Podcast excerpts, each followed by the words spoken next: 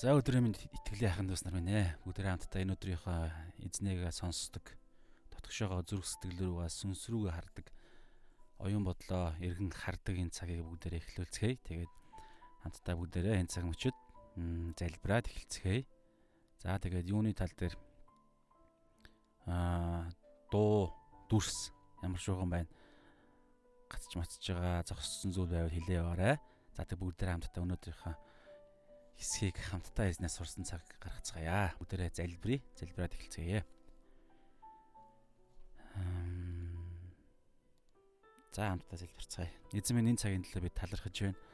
Аваа бид нар ямар нэгэн хин нэгэнд өгөхөөр хин нэгэнд нөлөөлөхөөр бид ирсэнгүй эзэн. Яг энэ цаг мөчид зөвхөн бид өөрсдийгөө бодож таны оршихуйд баян хангамжаар дүүрэн мэдлэг мэрэгэн ухаанаар гарах гарцаар үннээр дүүрэн эзэн танаас сонсохоор танаас сурахаар бид дор бүрнээ байгаа байгаа газараа эзэн зүрхээ шалган тань руу ирж байна. Яг одоо эзэн минь та өнөөдрийнхөө энэ үгээр дамжуулан биднийг та шинчлээч, засаж залруулаач.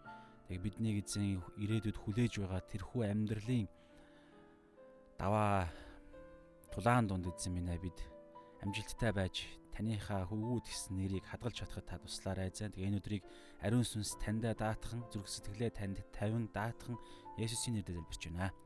Амен. За бүгдээр хамтдаа өнөөдрийнхөө хэсгийг хамт уншия. За тэгээд уншихаас өмнө За өнөөдөр маань бол ерөнхийдөө та бүгд үзээд явж байгаа бол те үдсэн болвол за шинээр үзэж байгаа бол А Матай 5-аас 7 дугаар бүлэг бол Есүс Христийн итгэлийн амьдрал, Есүс Христийн 3 жилийн үйлчлэлийн хамгийн а эхний уулан дээр суугаад сургасан тэрхүү цуврал сургаал явж байгаа. За тэгээ 5 дугаар бүлэг дээр Тэнгэрийн хаанчлалын хамгийн суур ойлголт болох Иесус Христ амаа нэгээд хамгийн анхны сургасан зүйл болох а Матай номон дээр байгаачлан Матай 5-ын 3 дээрээ сүнсэндээ ядуу хүмүүс ерөөлтэйе гэд эхэлж байгаа. Тэнгэрийн хаанчлал бол тэднийх юм а гэд.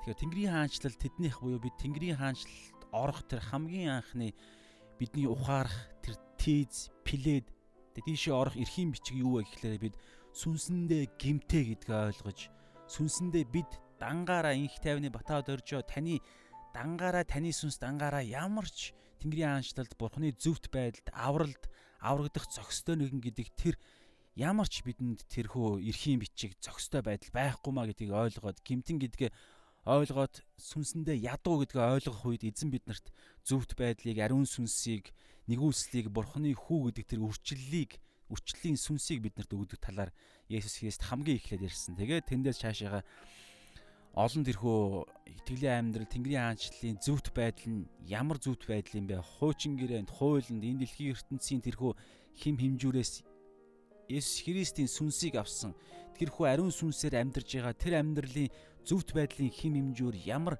гайхалтай тэрхүү цөмд байдгийн гүнд байдгийн бэ? Бүр хамгийн наан үр үрийн төдийд тэрхүү хим хэмжүүр яригддаг гэдэг Есүс Христ хуучин гэрээний 6 хуулийг иш татаад 5 дугаар бүлэг дээр өнөөдрийн бидний үзэж байгаа хамгийн сүүлийн хэсэг болох 6 дугаар хэсгийг одоо бүгдээр үзэх гэж байна. Тэгэхээр 6 хэсгийг Есүс Христ хуучин гэрээний хуулийг иш татаад тэрийг ингэж та нар сонссон. Хуучин гэрээний хууль нь ингэж байдаг. Харин ариун сүнсээр ариун сүнсийг тэгээ явж байгаа та бүгд бол ийм зөвхт байдлын дуудлагатай юм шүү, боломжтой юм шүү, чадвар нь ариун сүнсээр дамжуулан өгөгдөж байгаа юм шүү гэдгийг заагаа явж байгаа. За тэгээ бүгдээр хамтдаа өнөөдрийн хэсгийг уншия. Аа за сүүлийн хэсэг дайснаа хайрлах вэ. За энийг уншихаас өмнө бүгдээр өчтөрийн нэг хэсгийг та санаарай. Хариу авах талаар, өшөө авах талаар хин нэг намайг хохирох юм бол би хариуцлага тооцох тал дээр нүдийг нүдээр шүдийг шүдээр гэснийг та нар сонссон гэдээ Есүс ярьсан. Та өчтөрийн видеог үзээгүй байгаа бол та үзээрэй тэр тал дээр А өчигдрийн видеон дээр энийг маш дэлгэрэнгүй ерөнхийдөө бид ойлгож ухаарсан юм а хуваалцаад явсан байгаа. Тэгэхээр энтэй яагаад энийг одоо ярьж байгаа вэ гэхээр маш шууд холбоотой нэг бодлын хэлхээ нэг суурин дээрээ ярьж байгаа сургаал шүү дээ. Тэгэхээр сүүлийн хэсэг нь сүүлийн хоёр хэсэг бол баг нэг гэж ойлгож болно. Тэгээ энэ тентхийн номлолууд бол голцоо нэг явж байгаа тийм зүйл анзаарэгдэж байгаа. Тэгэхээр би ингээд хоёр хуваагаа явж байгаа. Тэгэхээр яг нэг гэж та ойлгоорой. Юу вэ гэхээр намайг хохироосон хүнийг дэлхийн шудрагаас, хуучин гэрээний шудрагаас адилхан хохироосон тэр хэмжээгээр яг адилхан байдлаар би хариу авч аа хариуцлага тооцож тэгээд тэр хүний хийсэн буруу зүйлд нь тохирох хэмжээний тэр ялыг нь өгөх ёстой гэдэг энэ зүйл бол хуучин гэрээнд болон Өнөөдрийн улс үндэстний түүх хуулинд эрүүгийн хуулиудад байдаг нийгмийн хуулиудад харин Есүс Христийн ариун сүнсийг тээсэн тэр хүн ариун сүнсээр дамжуулан Тэнгэрийн хаанчлалын зөвхт байдлыг юу гэж ярьсан бэлээ? Хайрлах талаар ярьсан те. Намайг хохироосон нэг те. Намайг хохироосон нэг цаана наад тэр хүнийг нь хайрлаж бид нар энэ дээр те бүр ингээд өчигдөр үтсийн би ярьж л да. Баруун хацрыг чинь алгадвал зүүн хацраа тавьж өгөх тэр сэтэл нь юу вэ гэдгийг өчигдөр бид нар ярьсан. Хайр гэж. Хайр хайртаа Ерос хайр, эхнэр нөхрийн хайр яриаггүй, аав ээжийн хайр, анд нөхдийн хайр яриаггүй. Бурхан хүнд байдаггүй, бурханаас л өгөгддөг, ариун сүнсээр дамжуулан бурханаас өгдөг тэр агуу хүч болох агабе хайраар л энэ хайр хайрлах боломжтой. Ингэж бид нэр намайг хохироосон нэг нэг бид нар хайрлах талаар ярьсан. Ингэснээрээ яадаг гэлээ? Тэр хүнийг хүнийг нь хайрлаад намайг хохироосон хүнийг хүнийг нь хайрлаад харин цаана байгаа тэр бузар муугийг нь үзэн бузар муугийг нь тэр хүнээс салгахтай бузар мөгийг нь устгахын тулд наан байгаа хүнийг нь хайрлсан тэр гайхалтай ага байр тэгээд олон юм ярьсан та өчтөрийг үзээрэй. Тэгэхээр ийм байдалтай явж байгаа баг үргэлжлэх гэсэн үг шүү. Яг үргэлжил. За тэгээ бүгдээр харъя. 43-ыг уншия. Гэхдээ аа 42-ыг та ингэ санаа яваараа Есүс Христтэй гуйсан хүнд үг чамаас зээлхийг хүссэн хүнээс бүү зайлсхий. Хайраа илэрхийлэхэд бэлэн байх талаар би ойлгож гарсан юм ярьсан те. За ийм байдалтай явж байна. За үргэлжлүүлээд өнөөдөр бүгдээрээ Есүс юу ярьж байна харъя хөршөө хайрл. За та ингээд үг болгоныг энэ дотроо бодоод, утгыг нь бодоод ингээд тогтож та ойлгоод уншаад яваарай. 43 дугаар ишлэл. Хөршөө хайрл. Дайснаа үзэн яд гэж хэлснийг та нар сонссон. Харин би та нарт хэлье. Дайснуудаа хайрл. Та нарыг хавчигчдийн төлөө залбир. Тэгснээрээ та нар тэнгэрдэх эцгийнхээ хүүхдүүд болно. Учир нь муу ба сайн дээрч нараа тэрээр мандуулж зөвхт болоод зөвхт бус дээрч бороо оруулдаг юм аа. Та нар өөрсдийг чинь хайрлагсдгийг л хайрлавал ямар шагнал та нарт байх вэ? Татвар хураагчд хүртэл ийн үйлддэг босуу. Та нар зөвхөн ах дүүстэйгээ мэдлэлвэл бусдаас илүү юу хийж байгаа юм бэ? Харийнхан ч хүртэл ингэдэг босуу. Тиймд Тэнгэрлэг эцэг чинь төгс байдаг шиг та нар мөн төгс бай. Амен. За ингээд анзаарж байгаа бол тийм яг л хайр явж байна. Хамгийн эхний ишил. Өнөөдрийн а 6 дахь хуучин гэрээний хуулиас иш татсан 6 дахь хуулийг одоо бүгдээрээ үзье. За өнөөдөр ингээд хуулийг би биелүүлэхээр ирсэн гэсэн Иесус Христийн тэр тунхаглалаа Иесус Христ өмнө хэлсэн байгаа тий. Энэ 5 дахь бүлэг дээрээ хуулийн биелэлгээд.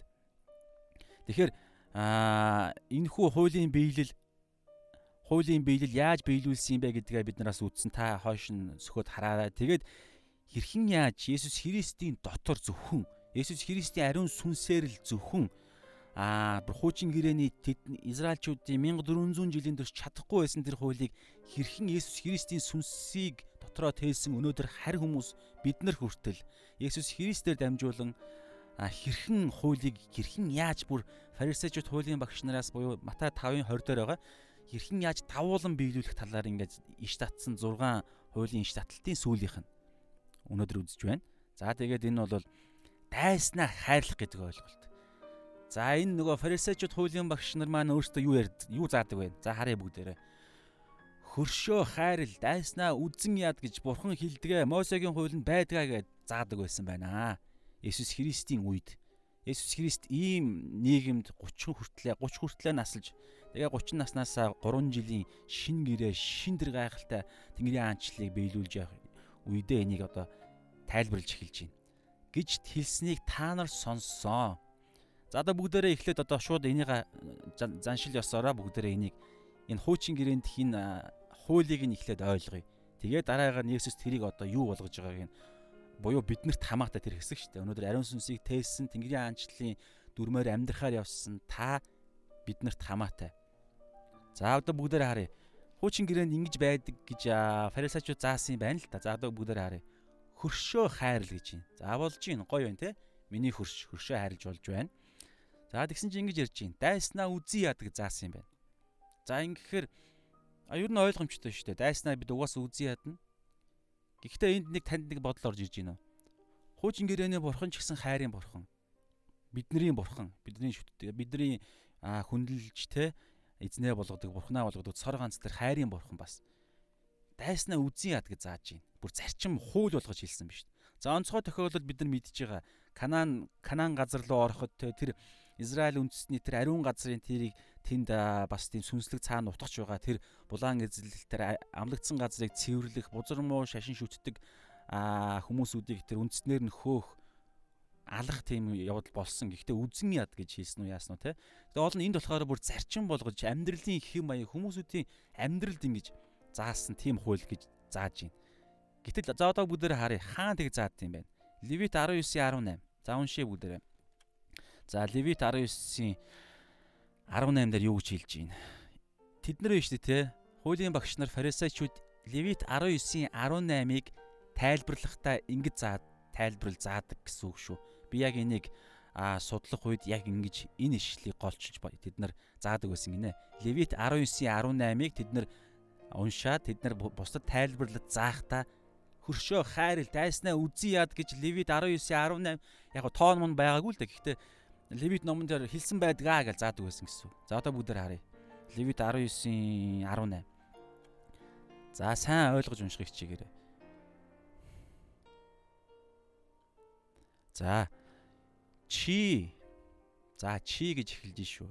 За энэ дээр ярилцсан. За чи ард олныхоо хүүгүүдийн эсрэг бүү хонзогно. Бүү үзьяад гэсэн үг. Аливаа зэвүүцлийг бүү хадгал харин хөршөө өөрийн адил хайрл би эзэн. За ийм шл. Яг энийг ингэж дайснаа хөршөө хайрл дайснаа үзьяад гэдгийг эндээс гаргаж ир заадаг аа гэж хэлж байгаа. За ингээд би ингээд судалж шүү дээ те. Дайснаа үзэн яд гэдэг үг ерөөсөө байдаггүй юм байна. Хуулиндаа ерөөсөө байдаггүй юм байна. Гэтэл хуулийн багш нар фарисеучуд яагаад хөршөө хайрл гэдэг нь бол энд байгааз хөршөө өөрийн адил хайрл гэдэг энэ хилц үг нь байна. Хамтаа эдгээр гурван үгс хамт явж байна. Хөршөө өөрийн адил хайрл гэсэн үг. Гэтэл дайснаа үзэн үзэн яд гэсэн энэ монгол хэлээр гурвалж гуравтай а еврей гэр хэлээрээ ч юм уу хоёр энэ үг холбоо үг ийм утга бүхий үг хуулиндаа ерөөсөө байдаггүй юм байна. Гэтэл яагаад тэд байдаг юм шиг зааж байна. За шууд тэд нар худлаа юм яриаггүй. Нэг юм манаас гаргаж ирээд байна. Хаанаас вэ гэхээр за эндээсээ. За бас тэгэнгүүтлээ дуулал 139-ийн би энэ судалгаан дээрээс гаргаж ярьж байгаа шүү. Тэд нар бас дуулалын энэ тэндээс авдаг юм байна. Тэр дундаа яг энэ эндээс бас гаргаж ир заадаг байсан гинэ. Дуулал 139-ийн 21-с 22 болон Левит 19-ийн 18 гэсэн энэ хоёр ишлүүд болон энэ тэндээс тэд нар дайснаа үзий яад гэдэг энэ ойлголтыг гаргаж ирсэн юм байна. За бүгдээрээ яагаад гаргаад ирчихв? Яаж бодлон тэгж ингэж аа бурхны тэр хэлсэн үгийг ийм болгож хэрэгжүүлтийг гаргаад байна гэдэг нь бүгдээрээ яг ойлгоё. Яагаад энийг ойлгох гэдэг юм? Бид нар Израиль Израилийг судлах гэж өнөөдөр амьдарч байгаа юм уу? Үгүй. Энэ сэтгэлгээ нь өнөөдөр бүх хүмүүсүүдэн дотор байгаа.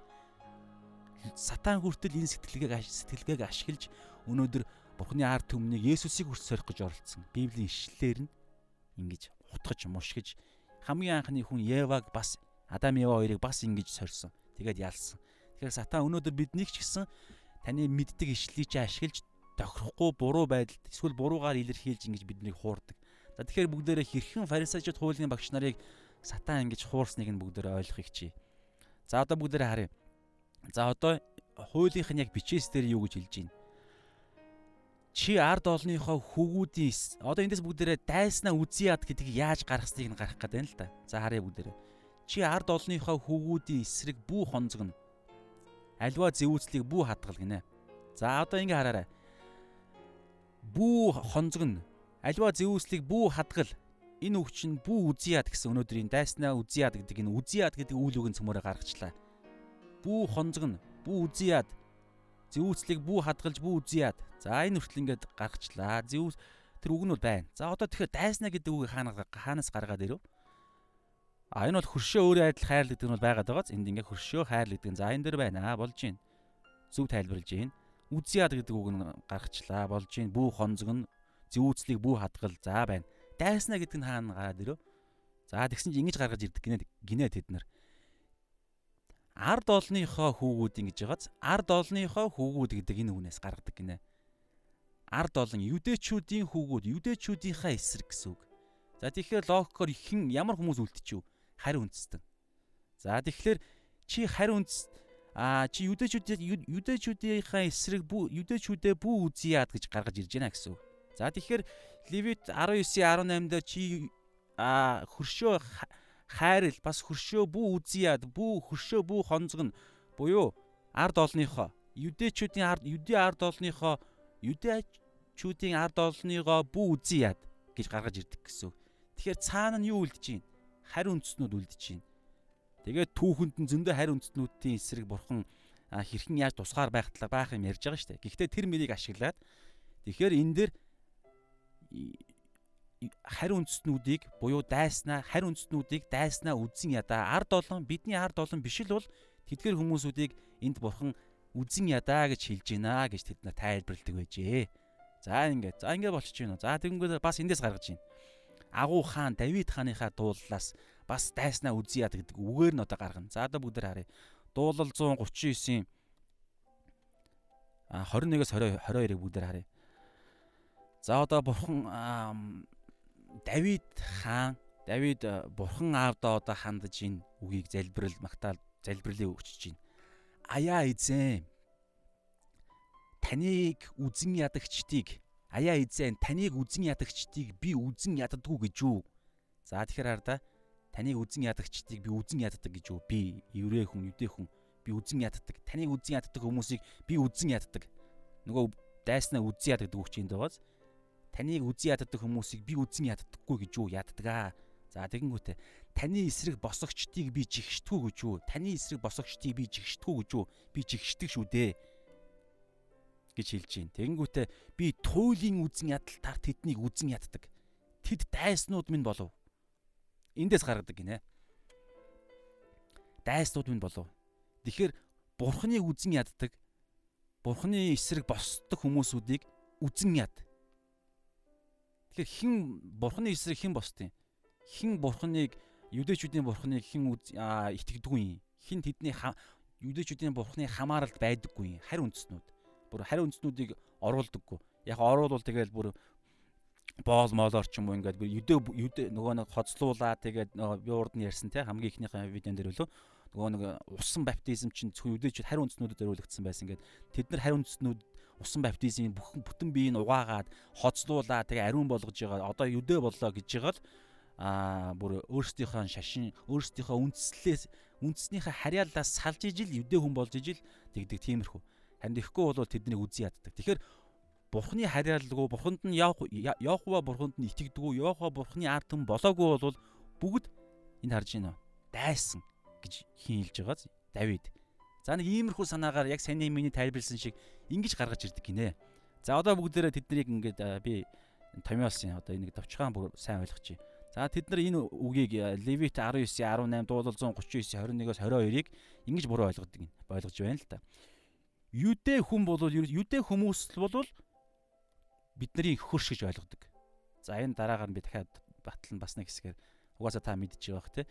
Юдэчүүд л бурхан нэг эцэгт Яхва бурхантай Авраамийн үр сад нөгөө нэг үр сад чинь үнэндээ бүгдээрээ мөн л дөө.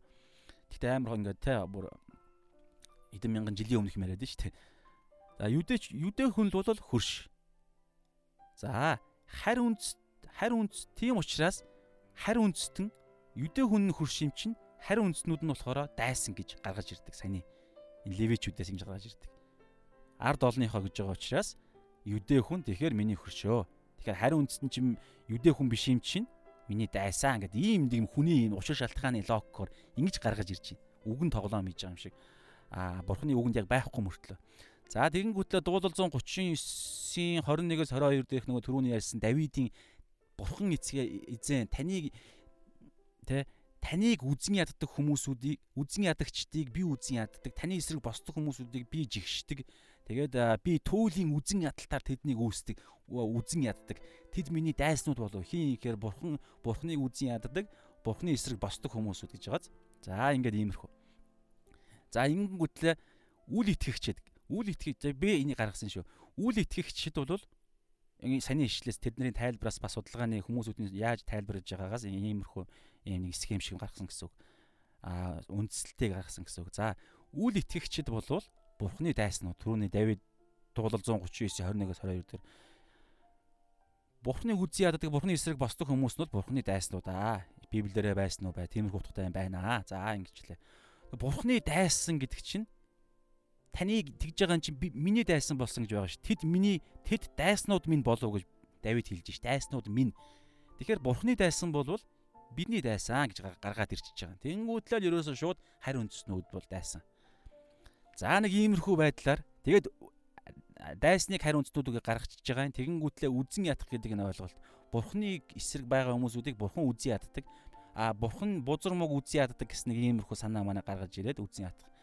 За иймэрхүү байдалтай байна. За одоо энэ дээр юу болж байна вэ гэхээр эрдэмтэд судлаачид ариун сүнстэй хүмүүс Есүс ч гэсэн өөрөө энийг буруу тайлал гэж хэлж байгаа гэсэн үг. Саяны левитикч буруу ойлгосон, дууллагч а буруу тайлсан гэсэн. Нөгөө нэг сатааны мушгилт бий болж байна гэсэн үг. Ийм аимшигтай. Библийн хэсгийг авангуутлаа мушгаад хилэгдээг юм чинь тэгэж хэлж байгаа гэдэг тийм хоосон орон зайд нь өөрсдийнх нь санааг, өөрсдийнх нь хүслийг оруулж иж бий болгоод тэгээд гаж урсгалуудыг одоо ингээд энэ дэлхий дээр янз янз хаасаагүй үндэснүүдэд үүсэд явж гин гэсэн. Биднээс ч гарах магадaltaй. Библийг зөв ойлгохгүй бол тэгэхээр бид нар Библийг судлах нь асар амин чухал байгаад байгаа нь энэ. За одоо зөв ойлголтыг бүгдээрээ харъя л да. За за бүгдээрээ харъя. Левит дээр юу гэж юм? За энийг бол би залбирж байгаад би хөвдөө надад нэг иймэрхүү ойлгох төгөдөд энийг би өөрөө олж мэдсэн. За эднэрийг бол ерөнхийдөө аа тийм библийн ишлүүд нь олоод ингэж олсон. За тийм. За өнөөдөр эзний надад тухааруулсан зүйлийг би хуваалцаж байгаа гэсэн үг шүү. За одоо бүгдээр харъя. За та бас энэ санал нийлүүл та бас өөрийн болгож авах боломжтой. За Левит 19 нөгөө нэг гол хоёр ишлийг чи одоо бүгдээрээ зөв ойлгох гэдэг юм л да. За Левит 19 18-ыг бүгдээрээ харъя. Дайс хөршөө өөрийн адил хайрл дайснаа үзье яд гэд хилцэн гэж байгаа тэр ишлийг нь бүгдээр харъя. Энд дээр нь яг дайснаа үзье яд гэсэн ойлголт байгаа мó бүгдээрээ харъя. Чи гэдэг үг би түрүү хэлсэндээ чи гэдэг үг Эндээс ямар ойлголт, ямар ариун сүнсний тэр ухаар над ирж байгаа гэхээр энэ хуу хүн хандаж хэлж байгаа үндэстэнд биш. За тэгэнгүүтлээ арда надад ийм ойлголт орж ирж л байна л да. Чи ард олныхоо хөвгүүдийн эсрэг бүү хонцог нь альва зэвүүцлийг бүү хадгал хөршөө өөрийн адил хайрал хөршөө өөрийн адил хайрал эн чинь нэг санаа штэ. За чи ард олныхоо хөвгүүдийн эсрэг. За одоо цаад ингээд бодоорой энэ үгийг та зөвөр түрүүний дайсан майсан гэдэг үгийг та мартаа зүгээр ингээд ойлгодоо чи ард олныхоо хөвгүүдийн эсрэг бүү хонцгоно.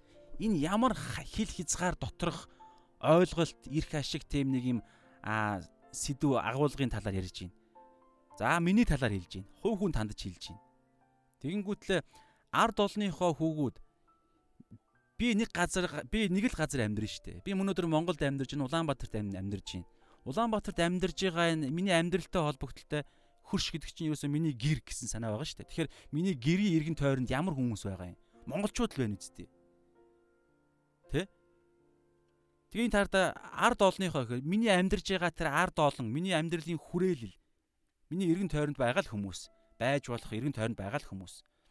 Ард миний амьдралын хуу хүн тандж тэг өөрийн адил араа хуу хүн дээр бас чи өөрийн адил би өөрийгөө яаж харилдیں۔ Би хуу хүн их тайван өөрийгөө яаж харилдیں۔ Монгол монгол гэж яриаггүй шүү дээ.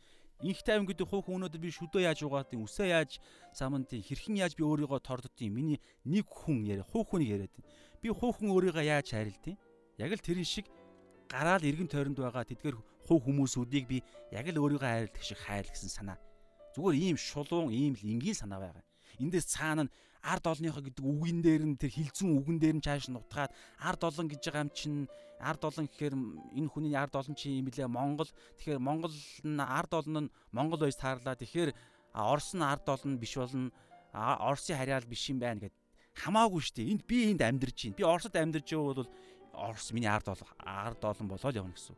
Миний нэг хүний амьдарж байгаа хүний амьдралын тойрог энэ circle те амьдралын сургуультай явж гин ажилдаа явж энэ эргэн тойронд байгаа л хүмүүс гэсэн санаа үг нь бол. За тэгэнгүүт энийг дараагаар би дахиад нэг хэсгээр батлана. Одоо энэ дэр аа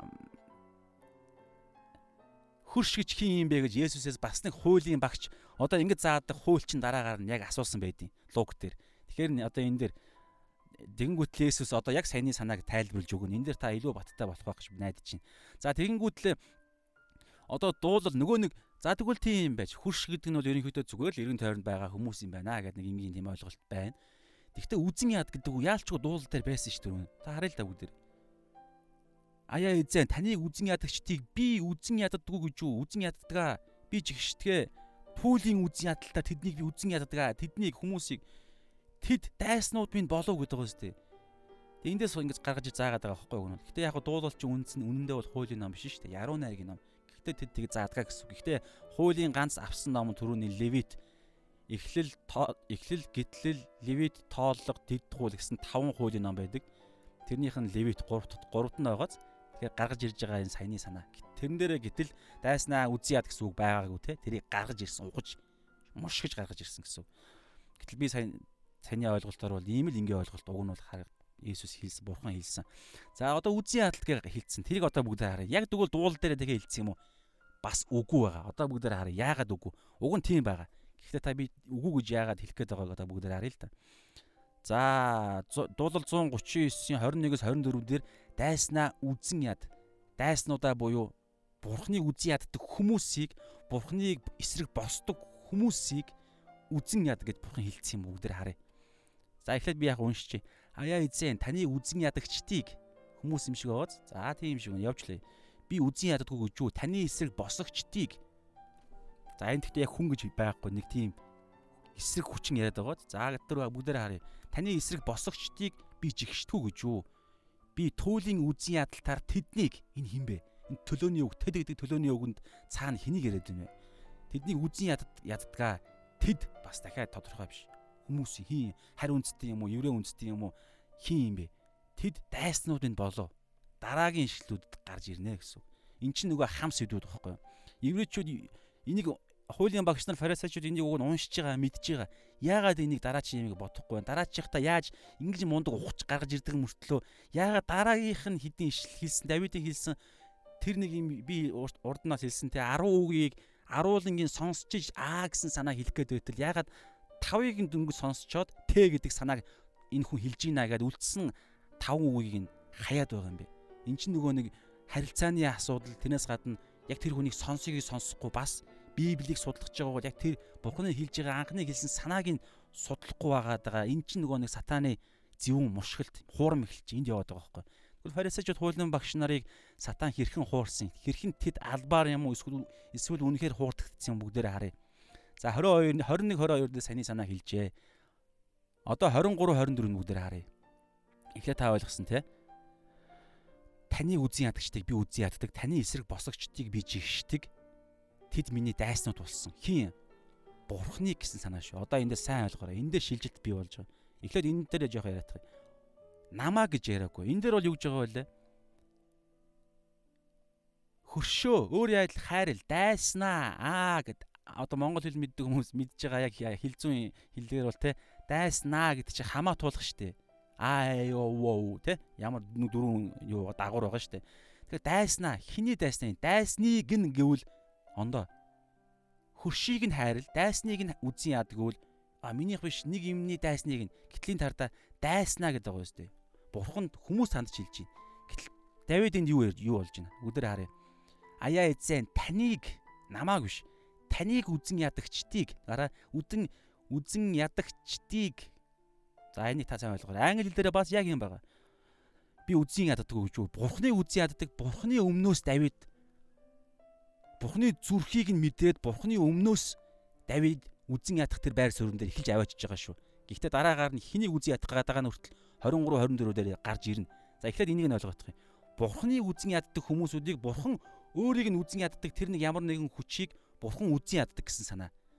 А Бурхан өөрийнх нь эсрэг босдог хүмүүсүүдийг Бурхан жигшдэг гэсэн санаа. Тэрийг Давид ойлгочоод бас яг Давидтай та нар анзаарж байгаа бол шинэ гэрээн дээр Давидыг юу хэлсэн байгаа вэ? Бурхны зүрхийг зүрхний хүн гэж хэлсэн байдаг байхгүй. Тэгэхээр бурхан Давид бурхны зүрхийг маш ойр байсан гэсэн. Тийм учраас иймэрхүү маш тийм том мэдгэлүүдийг хийж гинэ гэсэн.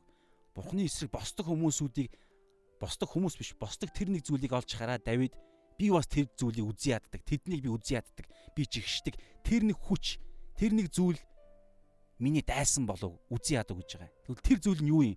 Харь үндснүүд юм уу? Хүмүүс юм уу? Юу юм? Одоо бүгд харъя. 23 дээр.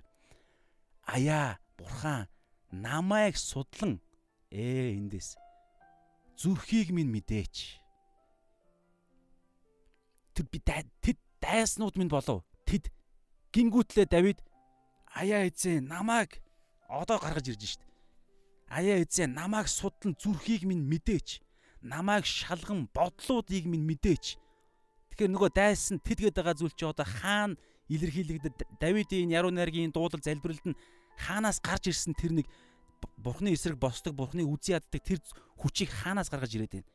Зүрхнээсээ бодлоосоо миний дотор хардаа миний дотор хөнөөлт нөгөө нэг баялаар бурхны үзий яддаг бурхны жигшдэг тэр хөнөөлт бодол зам тэр нэг эрх ашиг эго тэр хүслүүд хормоо хүслүүд буу эсхийг харж мөнхийн замаар намайг удирдаач. Энд байхгүй юу? Ингэж гайхалтай хэлсэн. Одоо бүр шин гэж харалтай. Бүр Давид манай эртний манай эртний өмнөх мянгад оны үед амьдарч исэн хаан.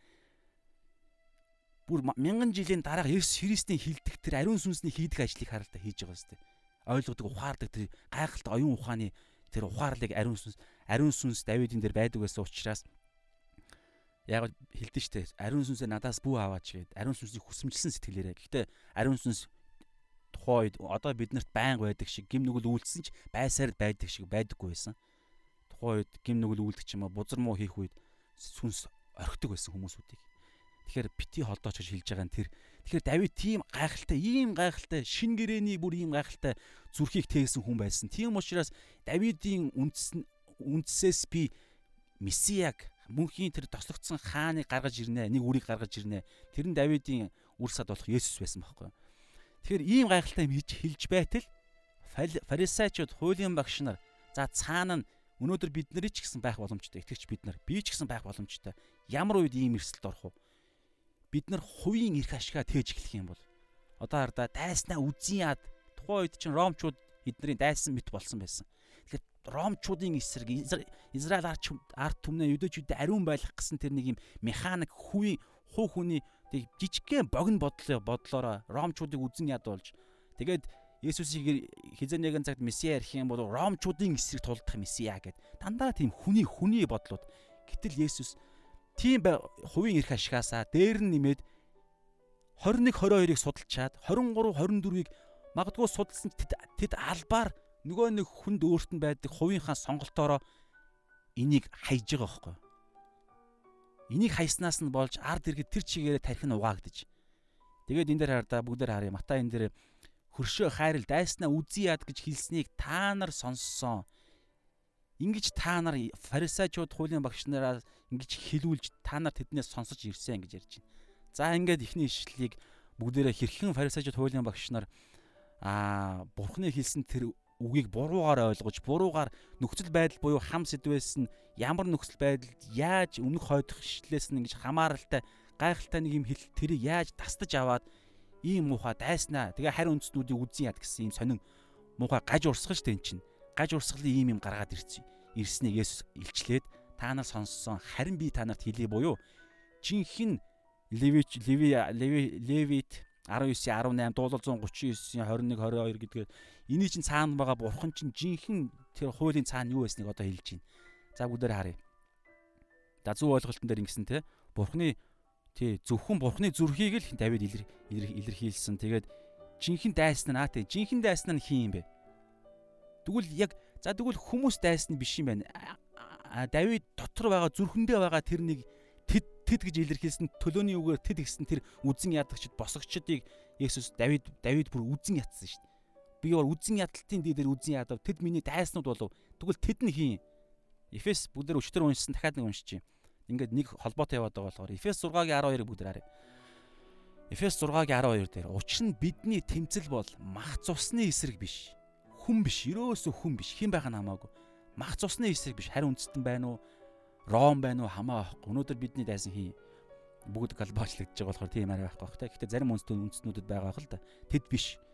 Харин энэ хүү харанхуй ертөнцийн нөгөө үл мэдэгдэх цаад харанхуй ертөнцийн захирагчид хүмүүсүүдийн тархийг нугааж байгаа. Тэдний махбодийн хүслээр нь тэднийг захирж удирдах байгаа. Ирэх мэдл хардаа гим нүглийн эрх мэдэл, бардамлын эрх мэдэл, архитны архиталтын эрх мэдэл, завхаалын эрх мэдэл, авилгалын эрх мэдэл, уур уцаарын эрх мэдэл, хувиа хичээсэн зангийн эрх мэдэл биднийг тэр хүслүүд гим нүглүүд хүн нь удирдах байгаа байхгүй юу?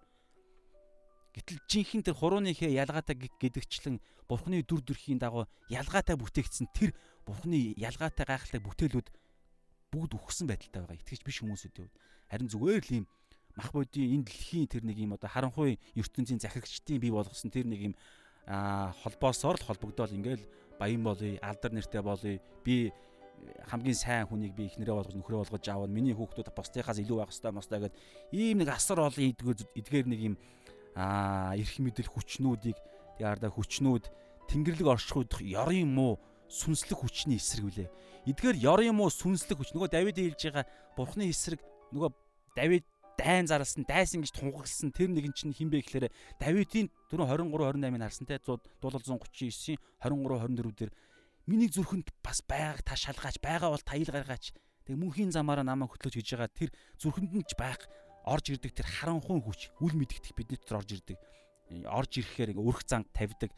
Тэгээд таардаа тэр захирагчид хорийн гим нүглийн бузар муу эрх мэдлүүд тэгээд сүнслэг ертөнцийн хүчнүүд тэгээд ёрын муу сүнслэг хүч гэж байгаа сте тэд чинь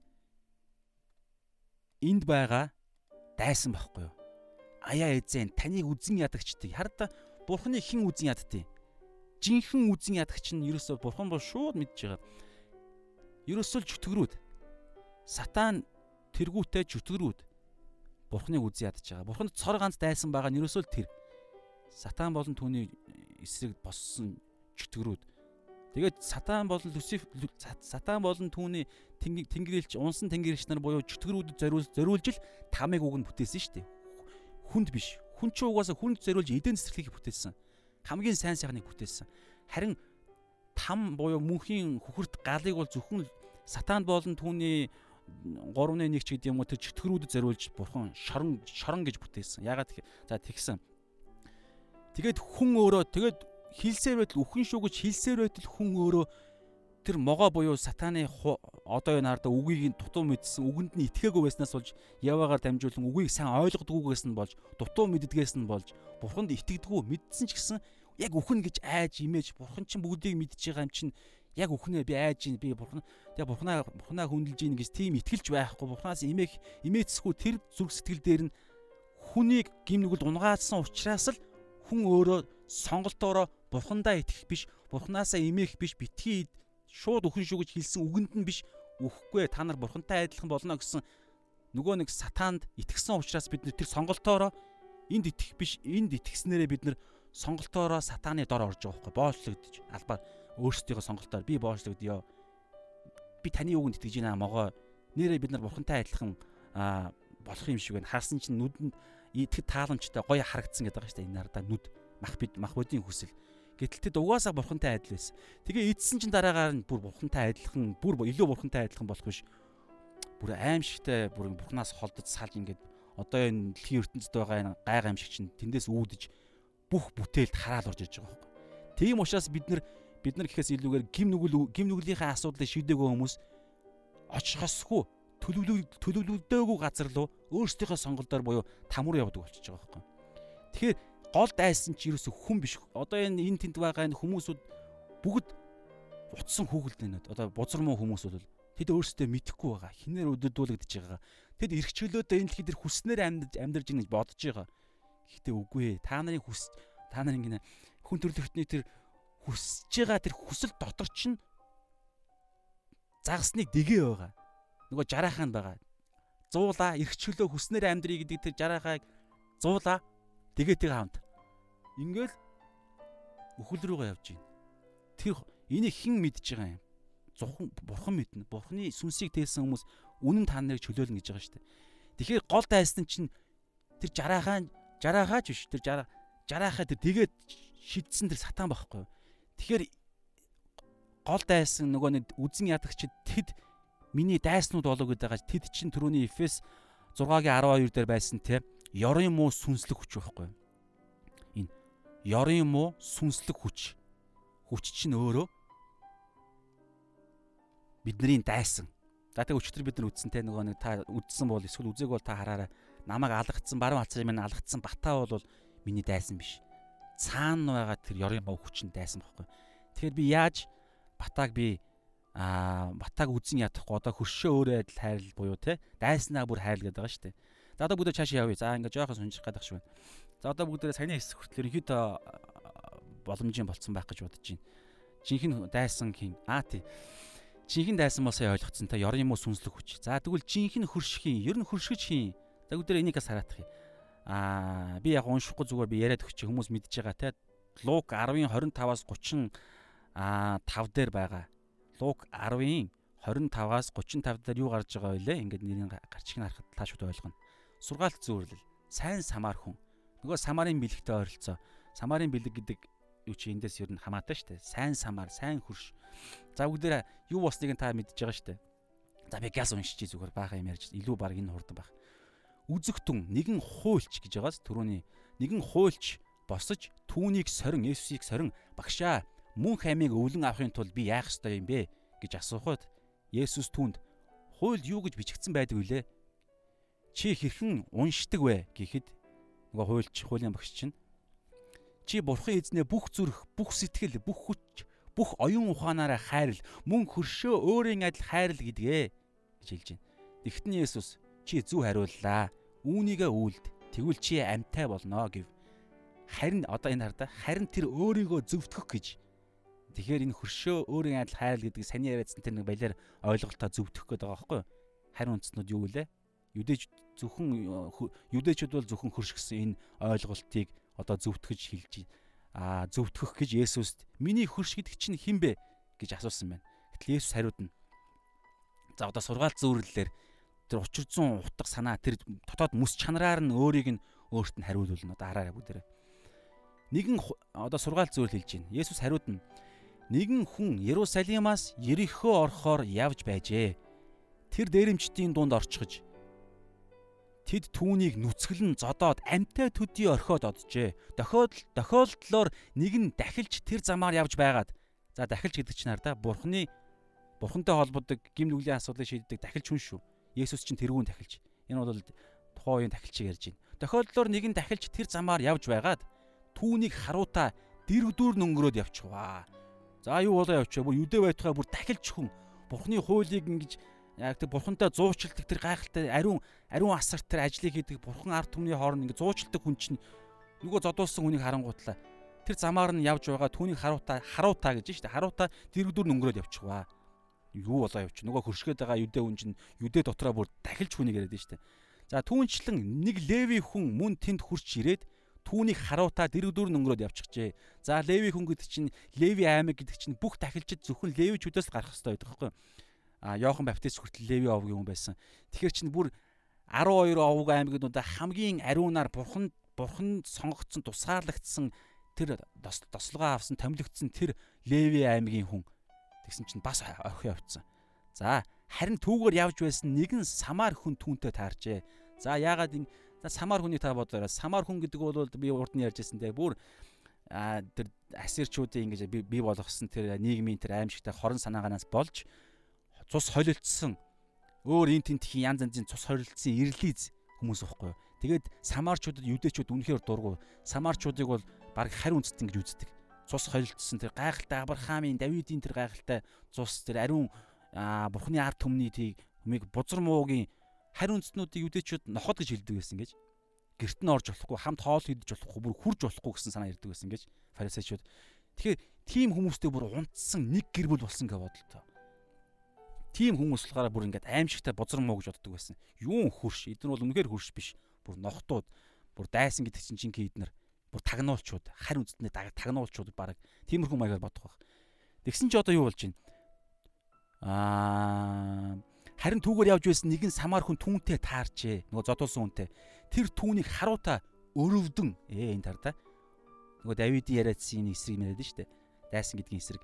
Тэр өрөвдөн түүн дээр ирж шарханд нь тос дарс асгаж боогоод унаан дээрээ тэгнэн буудалд хүргэж өгөөд харалта энэ болгонд чинь асар их зориулалт асар их сэтгэл хайр байгаад байгаа зү. Өөрийн гэсэн манаахан гэсэн сэтгэл. Унаан дээрээ тэгнэн дэм буудалд хүргэж ирэв. Тэгээд түүнийг асарчээ өөрөө. Маргааш нь тэр хоёр буудлаас явхдаа хоёр динар авч буудлын эзэнд өгөөд түүнийг асарч байгаарэ. Та илүү зардал зарвал би буцахтаа танд дахин төлөё. Вау. Энэ гурван одоо Есүс асууж байна. Нөгөө нэг хуулийн багш, нөгөө нэг аймаар тийм үг мүгийн судалж цаанаас нь дайсан гэдэг үг гаргасан. Нөгөө нэг юм теологч, нөгөө нэг юм аймаар тийм тэ үгээр тоглолт хийдэг. Тэндээсээ бүр хүмүүсүүдийн амьдралыг тархийг угаадаг ингэж ингэж үгийг библийг сэгэлдэг хүмүүс шүү дээ. Бараг би энэ өөрийн үгээр илэрхийлэхэд. Тэгээ тэр хүнд Иесус хэлж байна. Энэ гурвын хинэн дээрэмчдийн гарт орсон тэр хүний хөрш болсон гэж чи бодож байна. Хэд тэр хүн түүнд инэрлийг үйлдсэн нь гэв. Яалтчгүй хариулж байгаа сте. Самаар мамаар илэрхийлэг илэрхийл байхгүй болчихгоос Левит хүн самаар хүн тийм уламжилсан те тэр хүн бол тийм тийм бол тийм гэсэн тийм ойлголт биш. Зөвхөн тухайн үйлдэлийг харж байгаа сте. Үр жимс үйлдэл зүрх сэтгэл хайрыг харж байгаа сте. Түүнд инэрлийг үйлдсэн нь гэв. Есүс түүнд явж үүний айдал үйлдэх төөн гэсэн. За энэ болохоор хөрш гэж хин юм бэ гэдэг талаар Есүс хэлсэн үг. Тэгэхээр энд самар байна уу, харь байна уу, леви байна уу, дахилч байна уу, бүр Херод хаан байна уу, юдэ хамгийн дээд юдэ байх нь хамаагүй. Тэр хүний зүрх сэтгэл хормоо хормоо гэсэн ойлголт яриад байгаа байна. Сарин сайн сайхан хайр. Тэгэхээр тэр хэн байх нь хамаагүй, хүн бол хүн гэсэн санаа. За одоо бүгд харъя. Одоо цаашаага гэлс явна. За одоо ингэж байна. Харин би та нарт хэлье. Дайснуудаа хайрл гэж Есүс хэлсэн. За дайснуудаа хайрл. Харин би та нарт хэлье. Дайснуудаа хайрл гэдэг энэ үгийг та бодохдоо юу гэж бодох ёстой вэ гэхлээр нөгөө юдэчүүдийн бий болгоод зохиогоод бий болгоцсон дайсан гэсэн үг шүү. Түүнээсээр Давидын хэлжсэн дайсан биш. Тэр бол ёрон муугийн Тэгэхээр юдэчүүдийн бий болгоцсон одоо та нар дайснаа үдсий яад гэж сонссон гэж байгаа тэр дайсан ярьж байна. Тэр нь юм блэ? Харь үндэстнүүд юдэчүүдийн бурханд итгэдэггүй хүмүүс, юдэчүүдийн бурханы эсрэг босдог хүмүүсийг хүртэл хэлж байгаа шүү. Хүмүүсийг хэлж байна. Тэгэнгүүтээ дайснуудаа хайрл гэж Есүс хэлж байна. Энэ бол Есүсийг хэлсэн шинэ гэрээний тушаал. Өнөөдөр бидний үнийг хийхээр дуудагдсан гэсэн. Харин би та нарт хэлье. Дайснуудаа хайрл. Одоо эндээс хардаа та нарыг хавчигчдийн төлөө залбир. Тэгэхээр хардаа 44 дээр хэлж байна. Дайснаа хайрл гэж хэлж байна. Дайсныхаа төлөө залбир гэж хэлж байна. За одоо эндээс хараарай. 45-аас одоо та ерөнхийдөө энийг хараад явчихвал болох байх. 45-аас Тэгснээрээ та нар тэнгэр дэх эцгийнхээ хүүхдүүд болноо. Бурхны хүүхдүүд одоо энэ дээр ярьж Бурхны хүүхдүүд гэж ямар хүмүүсийг хэлдэг юм? Бүгдээрээ эндээс гаргаж ирээ.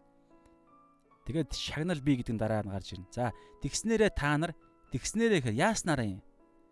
Дайснаа хайрласнараа. Дайсныхаа төлөө залбирснараа бид Бурхны хүүхдүүд өнөөдөр Авраам Израиль юдэчүүдийг яриаггүй. Бурхны Аа бурхан дээр очих цор ганц зам үнэн ам бол Йохан 14-ийн 14-ийн 6 байлуу те тэр хавцаах байгаа шүү. Буруу хэлсэн бол та олж мэдээрэй. Би бол зам үнэн ам гэсэн байгаа. Бурхан дээр очих цор ганц зам. Цор ганц мөнхийн ам бол Есүс. Тэгэхээр Есүсээр дамжиж л бид нар Бурханы хүүхэд болох боломжтой. Тэгэхээр Есүсийн дотор л бид нар Есүсийн сүнсийг л бид нар авснараа Пентекостийн өдөр Есүс дээш наананд 50 хоногийн өмнө наан яваад 50 өдрийн дараа өөрийнхөө сүнсийг доош нь болгодог шүү дээ ариун сүнс. Есүсийн сүнс. Тэгэхээр Есүсийн сүнстэй Есүс итгэсэн Есүсийн дотор гим нүглийнхээ асуудлыг шийдсэн Есүст найддаг ариун сүнсээр л амьдрдаг амьсгалах агаар мэт. Байгаль хүн өхөн штэ ингээд бариад ах юм бол тэгэхээр тэр ариун сүнс амьсгалах агаарч ариун сүнс байхгүй. Тэгэхээр ариун сүнсээр явдаг тэдгээр хүмүүсүүд дайснаа хайрлж чадна тэдний төлөө залбирч чадна нөгөө нэг Матай 5-ын 3 сүнсэндээ ядуу хүмүүс буюу ядуу хүмүүсүүд хангамж нь ариун сүнс. За тэгж чинь тэгэнгүүтлээ харъя бүгдээрээ. Бурхны хүүхдүүд за одоо ингээд юу харъя бүгдээрээ. Аа Бурхны хүүхдүүд гэдэг энэ үг Матай одоо бүгдээрээ бүлгийнхаа хам сэдвийг зүгээр бодглохлоор нөгөө нэг 9-ийн ерөөлтэй гэдэг үг байгаа шүү дээ. Тэрний одоо хардаа 9 дугаар ишлэлээр байгаа. Хиддэх нь байна да та дараа тоолчаарай. Амар тайвныг тогтоогсод ерөөлтөе. Тэд Бурхны хүүхдүүд гэж хэлэгдэх болно гэж 9 дээрээ байгаа. Дээш нь жоох явуулах юм бол байгаа. Тэгэхээр хардаа та энэний учир холбоог нь боддоо. Дайснаа хэлсэн шүү дээ. Аа 45 дээр 44 дээр харин би та нарт хэлье. Дайснуудаа хайрл. Та нарын хавчигчдын төлөө залбир, дайсныхаа төлөө залбирыг хэлж байна. Ингэснээрээ дайсан гэдэг ойлголт юу вэ? Ерөнхийдөө дайн тулааны үед яригддаг дээ. Үүмэн самууны үед, бослогын үед яригдана. Тэгснээрээ та нар тэнгэр тэгцхийн эцгийнхээ хүүхдүүд болноо. За тэгэд 9 дээр юу гэж байгаа вэ? Амар тайвныг тогтоогсод бурхны хүүхдүүд гэж байгааз. За энэ дээр хардаа дайснаа хайрлж тэдний төлөө залбирсад бурхны хүүхдүүд. За энэний та учир холбоог нь хардаа. Бидний амьдралд дайсан гарч ирлээ. Бидний амьдралд амар тайван бус юм ороо бусгай юм бий боллоо. Хүмүүс асуудлууд гарч ирлээ. Тэр байдлыг бид нар яаж амар тайван болгож болохоор байна? Энд нарийн мэрэгэн ухаан байна. Нөгөө сонсогчтой сонсогтун гэдэг шиг ариун сүнстэй хүн бол та үнэхээр энийг учрын зүгийн та хараарай. Бидний амьдралд биднээс өр нэгсэн, биднийг даралж марлсан аимшигтай тэр биднийг одоо энэ дараадаа хавчдаг. Биднийг бидний бурхны үзэн яддаг. Түрүү хэлсэн шүү дээ. Үзэн яддаг. Бидний бурхны эсэг босдог хүмүүсүүд би хүмүүс цаадах юм яриаггүй би хүмүүс нь яриад байгаа. Тэдгээр хүмүүсүүд биднийг дайлсан, тэдний хавчдаг хүмүүсийн төлөө бид нар эхэлж хайрлах хэрэгтэй гэж байгааз. Бид нар өөрсдөө бурхны дайсан байсан шүү дээ. Би мөн муу зүвт бус байсан. Нэгдүгээр Иохан 4:19-ийг та дараа нь хараарай. Нэгдүгээр Иохан 4:19 дээр байгаа. Би өөрөө эхэлж эхэлж намайг бурхан хайрлсан учраас би өөрөө яг тийм бузар муу дайсан бурхныг хавчдаг, итгэгчдийг хавчдаг, бузар муу харь үндэстэн гэж Есүс Есүс итгэгчдийг Тэ бид нар Монголын шашин бол буддын шашин, бөөгийн шашин, юу бозор муу Монголыг эзлэх гэдэг нэг л янз бүрийн байдлаар бид нар хавчдаг, тэднийг үл доошоодог. Тэ тийм байхад бузар муу байхад гим нүглийг дотроо хүссэн хүсэмжилдэг. Тийм байхад эхлээд 1-р Иохан 4:19 дээр байгаа Бурхан биднийг эхэлж хайрлсан. Тийм учраас бид нар дайснаа хайрлах боломжтой болжээ. Тэгэхээр ингэж хайрлаад тэгээд тэдний төлөө залбирдаг. Хамт байхад нь хайрлна. Салаад явахдаа бид нар тэдний төлөө залбирна аврал аваасаа тэд нар бурхныг ойлгож зүрхэн зөөлрөөсөө махан зүрх өгөөсөө эзэн тэднэрт итгэлийг өгөөсөө нүдийг нээж өгөөсөө үзэн ядах тэр зүслийг нь одоо тэ а үннээ олж харж сүнсэндээ ядуу гэдгээ олж харах болтугай гэсэн эдгээр залбирлууд хийж байгаа чинь өөрөө амар тайвныг тогтоож байгаа гэсэн үг. Бурхны хүүхдүүд ардаа би та нарт хэлье дайснуудаа харил хавчгчдын төлөө залбир тэгснээрээ та нар тэнгэр дэх эцгийнхээ бурхан аавынхаа хүүхдүүд болно. За одоо харж байгаарай Одоо эндээс нэг нарийн зүйл гарч ирнэ.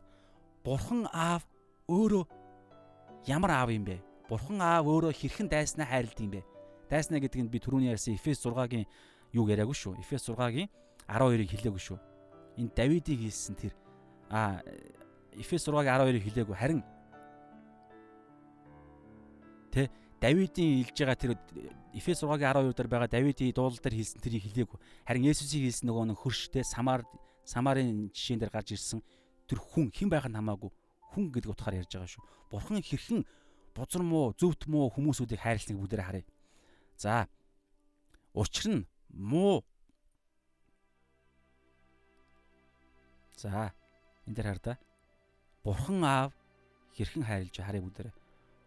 Учир нь муу ба сайн дээрэж дээрч учир нь муу ба сайн дээрч нараа тэрээр тэрээр мандуулж нараа бурхан мууч хүн бай, сайн ч хүн бай дээр нь нараа мандуулдаг. Энэ тарда нөгөө дайсан гэдэг чинь зөвхөн хүн гэдэг утгаар яриад байгаа шүү дээ. Би түрүүн жоохон дэлгэрүүл чааш нухсан болохоос биш. Яг энэ Матай энэ 5-ын 43 дээр бол дайсан гэдэг ойлголт чинь дандаа хүн яриад байгаа шүү. Ямар ч хамаагүй хүн гэсэн үг. Та нарын дайсан гэж бодож исэн харь хүмүүс чинь хүртэл самаар мамаар ямар ч хүмүүс чинь өөрөө тэдгээр хүмүүс чинь муу байж болно. Гэхдээ хардаа учир нь мууч бай, сайн ч бай тэдгээр хүмүүс дээр Бурхан нараа мандуулдаг. Цуврал алуурчин хүрт өглөө босохдоо нар хардсан шүү дээ. Та мэдж байгаа тий. За. Зүвт болоод зүвт бус дээрч бороо оруулдаг. Зүвтч бай, хулгайч бай, хулгайчч бай, үнэхээр мундаг зүвт хүн ч вэ ямар ч хүн бороонд нь алхаад явж идэг. Бороо дээрээс нь орч. Энэ юу юм бэ? Бурхны тэр ямар ч хүнийг хайрлах сэтгэл байхгүй. Энэ бол бидний тэнгэрт байгаа бидний бурхан аавын сэтгэл. Тэгэхээр өнөөдөр бид нар бурхан бурхны хүүгүүд үрчил үрчлэлийн ариун сүнсийг авч ууган хүү Есүс Христийн дотор бид нар Бурхны хүүхдүүд охид хүүгүүд хан хүү гүнжнэр болсон юм бол Бурхан аавтайгаа адил байхын тулд яах нь вэ? Бид нар мандж байгаа нарыг хүртэл харж тэндээс Бурхан аав бүх хүмүүст нар харагд нар харагдаж байна. Бүх хүмүүст хайртай. Үүний адил би ч гэсэн гэж хайрлах. Тийм имийг Бурхан Есүсийн ярьж байгаа тэр 6 дахь фарисеучуд хуулийн багш нараас хэрхэн яаж илүү байх тэр Тэнгэрийн хаанчлалын тэр хим хэмжүүрийг ярьж байна. Дайлсан гэдэг тэр ойлголт намайг хавчдаг хүмүүсүүдийг би хэрхэн яаж хайрлах тал дээр Есүс одоо бид нар зааж байна гэсэн үг. Бурхан аав шиг хайрлаа гэж хэлж байна гэсэн үг. Та нар за одоо шааш нарыг бүгдээ. Одоо энэ дээр хар та би эндээс нэг ингэсэн. 46-аас одоо бүгдээ 47-г харъя. Муу хүмүүс, муугийн хүүхдүүд. Одоо түрүү ингэсэн шүү дээ. Муугийн хүүхдүүд дээрч бурхан нараа нараа мандуулдаг бас зөвд бус буюу муу хүмүүс дээр ч бурхан бороогоо оруулдаг. За одоо тэгвэл та нар үнэхээр тийм сайн мундаг гэдэг байгаа юм бол тэгээ Авраамийн үр удам би фарисеучуудын тэр өнцгөөс ярьж байгаа шүү. Авраамийн өөр удам юдэчүүд л зөвхөн хөрш болоод харь үндснүүд бүгдээрээ дайснууд болчдөг гэдэг иймэрхүү ойлголт яриад байгаа юм бол та нар ингэж хөрш дайснаа үзье яддаг сонссон юм бол буюу саяны ярьж байгаа ийм ойлголт гэдэг байгаа юм бол та нар үнэхээр тэгвэл тэр дайсан гэд ноход гэж яриад байгаа харь үндснүүдээсээ үнэхээр өөр юм уу гэдгийг нь одоо харуулж ийн гэсэн хэлчилж ийн гэсэн үг. Муугийн хүүхдүүд юу гэдэг вүлээ? Исламын шашинтай хүмүүс, гаж урсгалын хүмүүс ч юм уу эсвэл а буддаа ч юм уу бөөнөр ч юм уу хамаа байхгүй эсвэл бурхан итгэдэггүй ч юм уу эсвэл алуурчд ч юм уу ямар ч хүмүүс. Энэ дэлхийд байгаа бузар муу таны бодод сэтгэж болох ямар ч бузар муу хүмүүс дараа хоёр дараа хоёр зүйлийг үйлддэг. Харъя бүгдээрээ. Зөвхөн өөрийг нь хайрлагчийг л хайрладаг. 46 бүгдээр харъя. Та нар өөрсдийг чинь хайрлагчдыг л хайрлбал ямар шагнал та нарт байх юм бэ Татвар хураагчид ч хүртэл ийм үйлддэг босуу. Татвар хураагчид гэдэг бол тухайн үед юдэ хүмүүс мөн мөртлөө мөн мөртлөө ромчуудын дор орж ромч өөрсдийг нь заавчлаарай.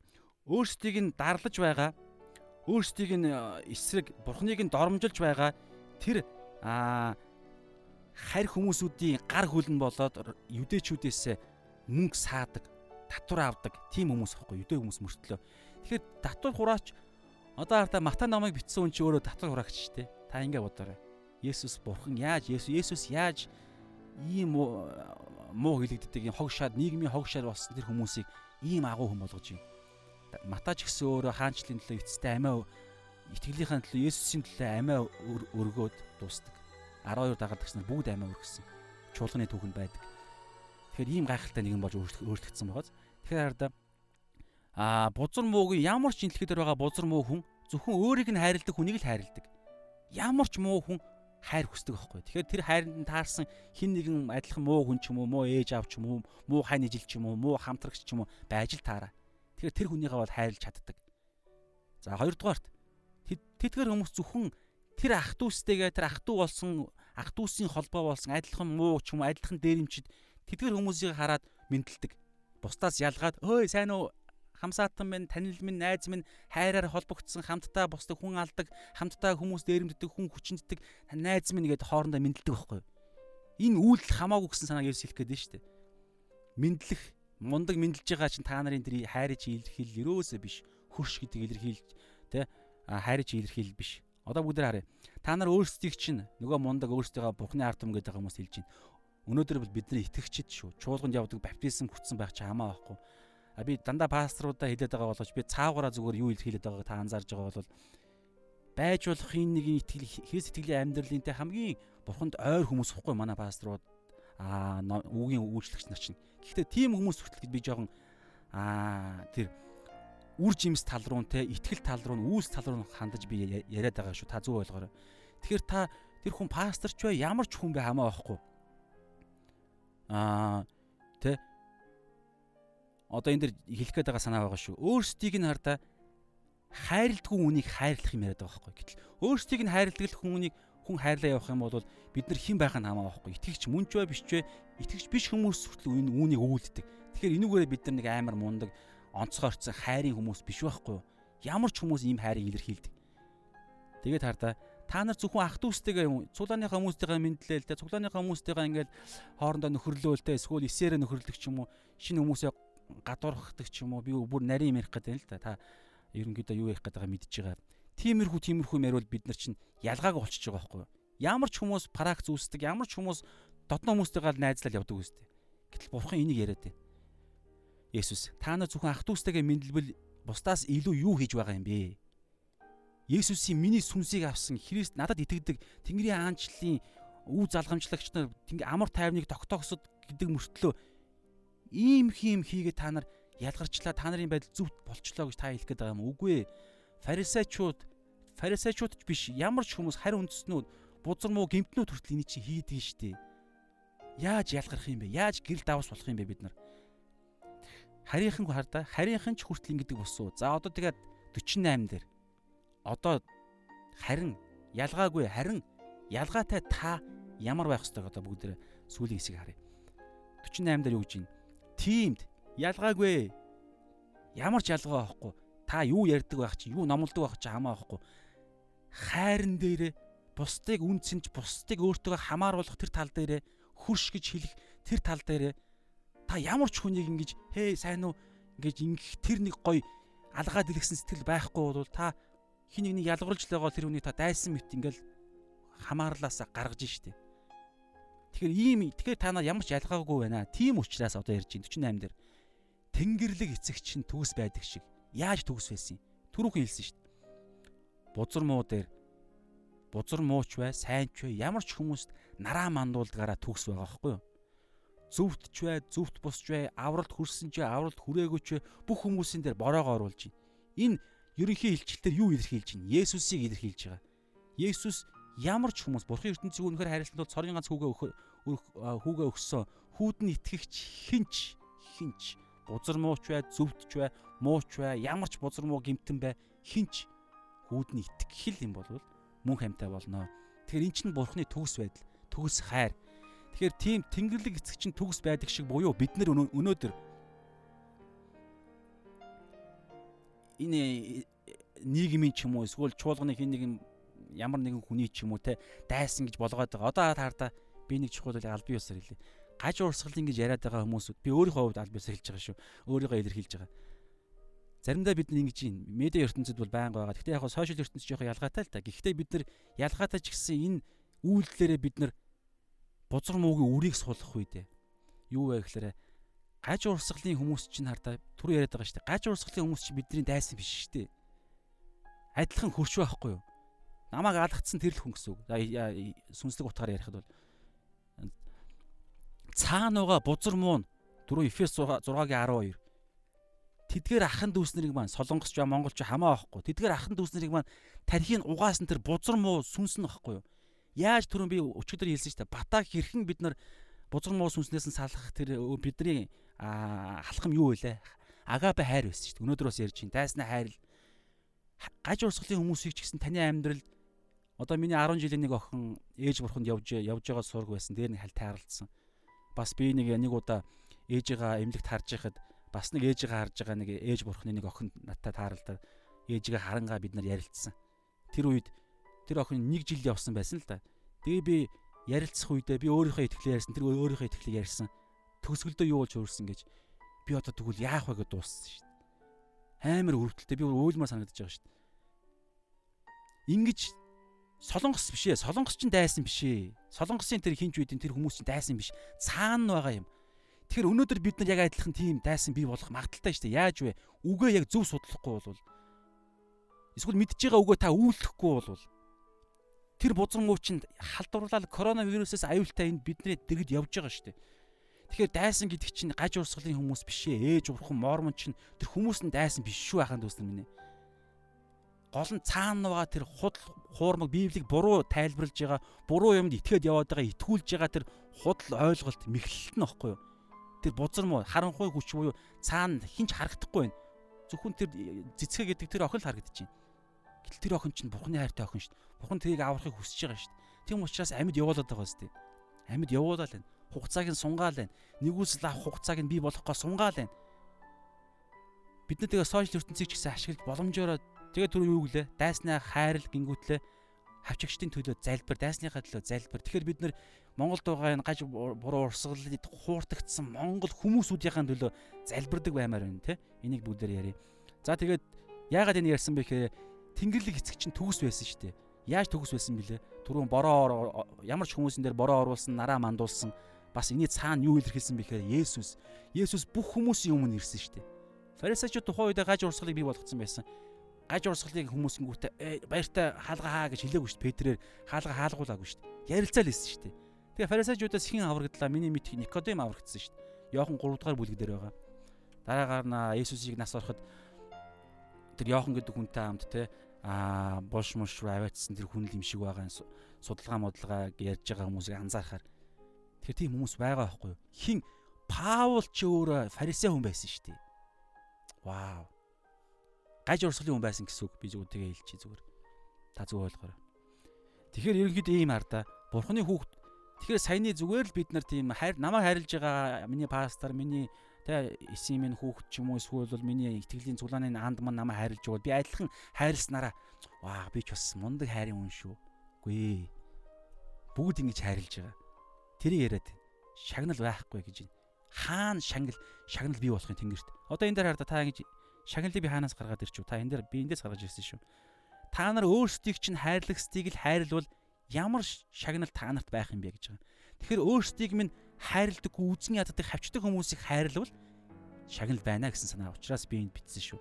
Бурхны хүүхдүүдэд л шагнал байгаа. Тэр нь ямар ямар хүүхдүүд хүүхдүүд Бурхны хүүхдүүдийн ямар хүмүүс Бурхны хүүхдүүдийн гэхээр амар тайвныг тогтоогсод буюу амар тайвныг яаж тогтоох вэ гэхээр дайснаа хайрласнараа тэдний төлөө залбирснараа хүмүүсийг ярьж байгаа. Харин цаана байгаа муу сүнсийг нь Эфес 6-гийн 12-оор нөгөө хоёуг дуулгаа өмсөөд цаана байгаа тэр харанхуй ёр муугийн эсрэг бид нар яаж тулдах юм гэхээр үннийг зааж сургаснараа шүү.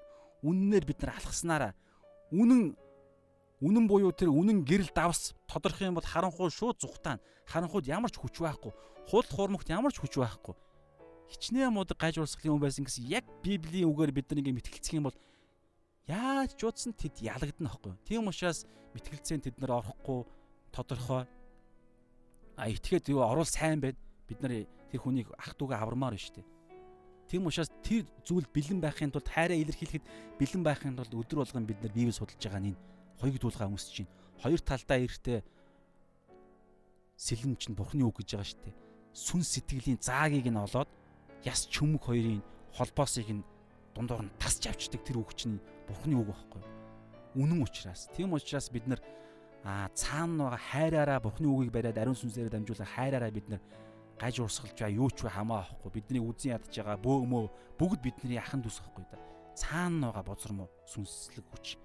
Тэгэхээр бүгдээр хамтдаа залбирэх хөө энэ зүйлийг бариад тэгээд манайхан шинээр энэ за амен гэж хамт байгаа баярлалаа. Бүгдээр хамтдаа тэгвэл залбирах та За өнөөдрөөр ингээд 5 дахь бүлэг маань дуусж байгаа. Маргаашнаас эхлээд уулан дээр сургаад үргэлжлэж байгаа шүү. Есүс уулан дээр суугаад а 12 дагалдагч 12 ч юм уу хэд чинь дагалдагч нартай болон тэг эргэн тойрны тэр олон мянган хүмүүсүүд хамгийн анхны 3 жилийнхаа баптизм үрчээд цөл 40 өдрийн те мацаг барилдсан сүнслэг тулаанд гим нүглийн сорилтонд орохоор очоод ялаад гим нүгэл үлдэхгүй гарч ирээд тэгээд үйлчлэлээ хийгээ явж байгаа тэр үед ярьсан уулан дээр ярьсан бүлэг сургаалын хамгийн ихнийх нь одоо багц гэх юм уу хуулийг те хэрхэн яаж тэнгэрийн аанчл руу орох вэ сүнсэндээ ядуу байснараа. Тэгээ цаашаа ингээд ингээд итгэлийн амьдралын хандлагуудыг ярьсан 9 хандлага те.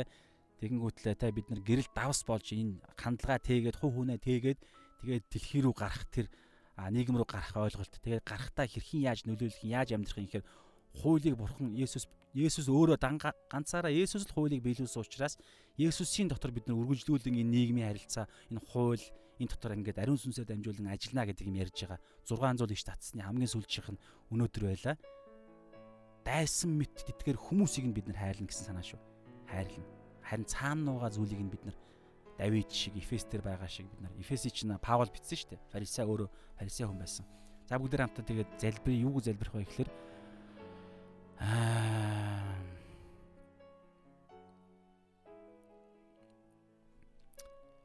48 дугаар ишлэрээ залбирх хөө. Энэ дотор бүх юм агуулгадж байгаа юуны энэ хөө 5 дугаар бүлгийн сүүлийн дүгнэлт мөн өнөөдрийн ярьж байгаа хэсгийн дүгнэлт хэсэг учраас Бурхан аавтайгаа адил төгс байх гэсэн энэ үгээр бүгд хамтаа залбирая.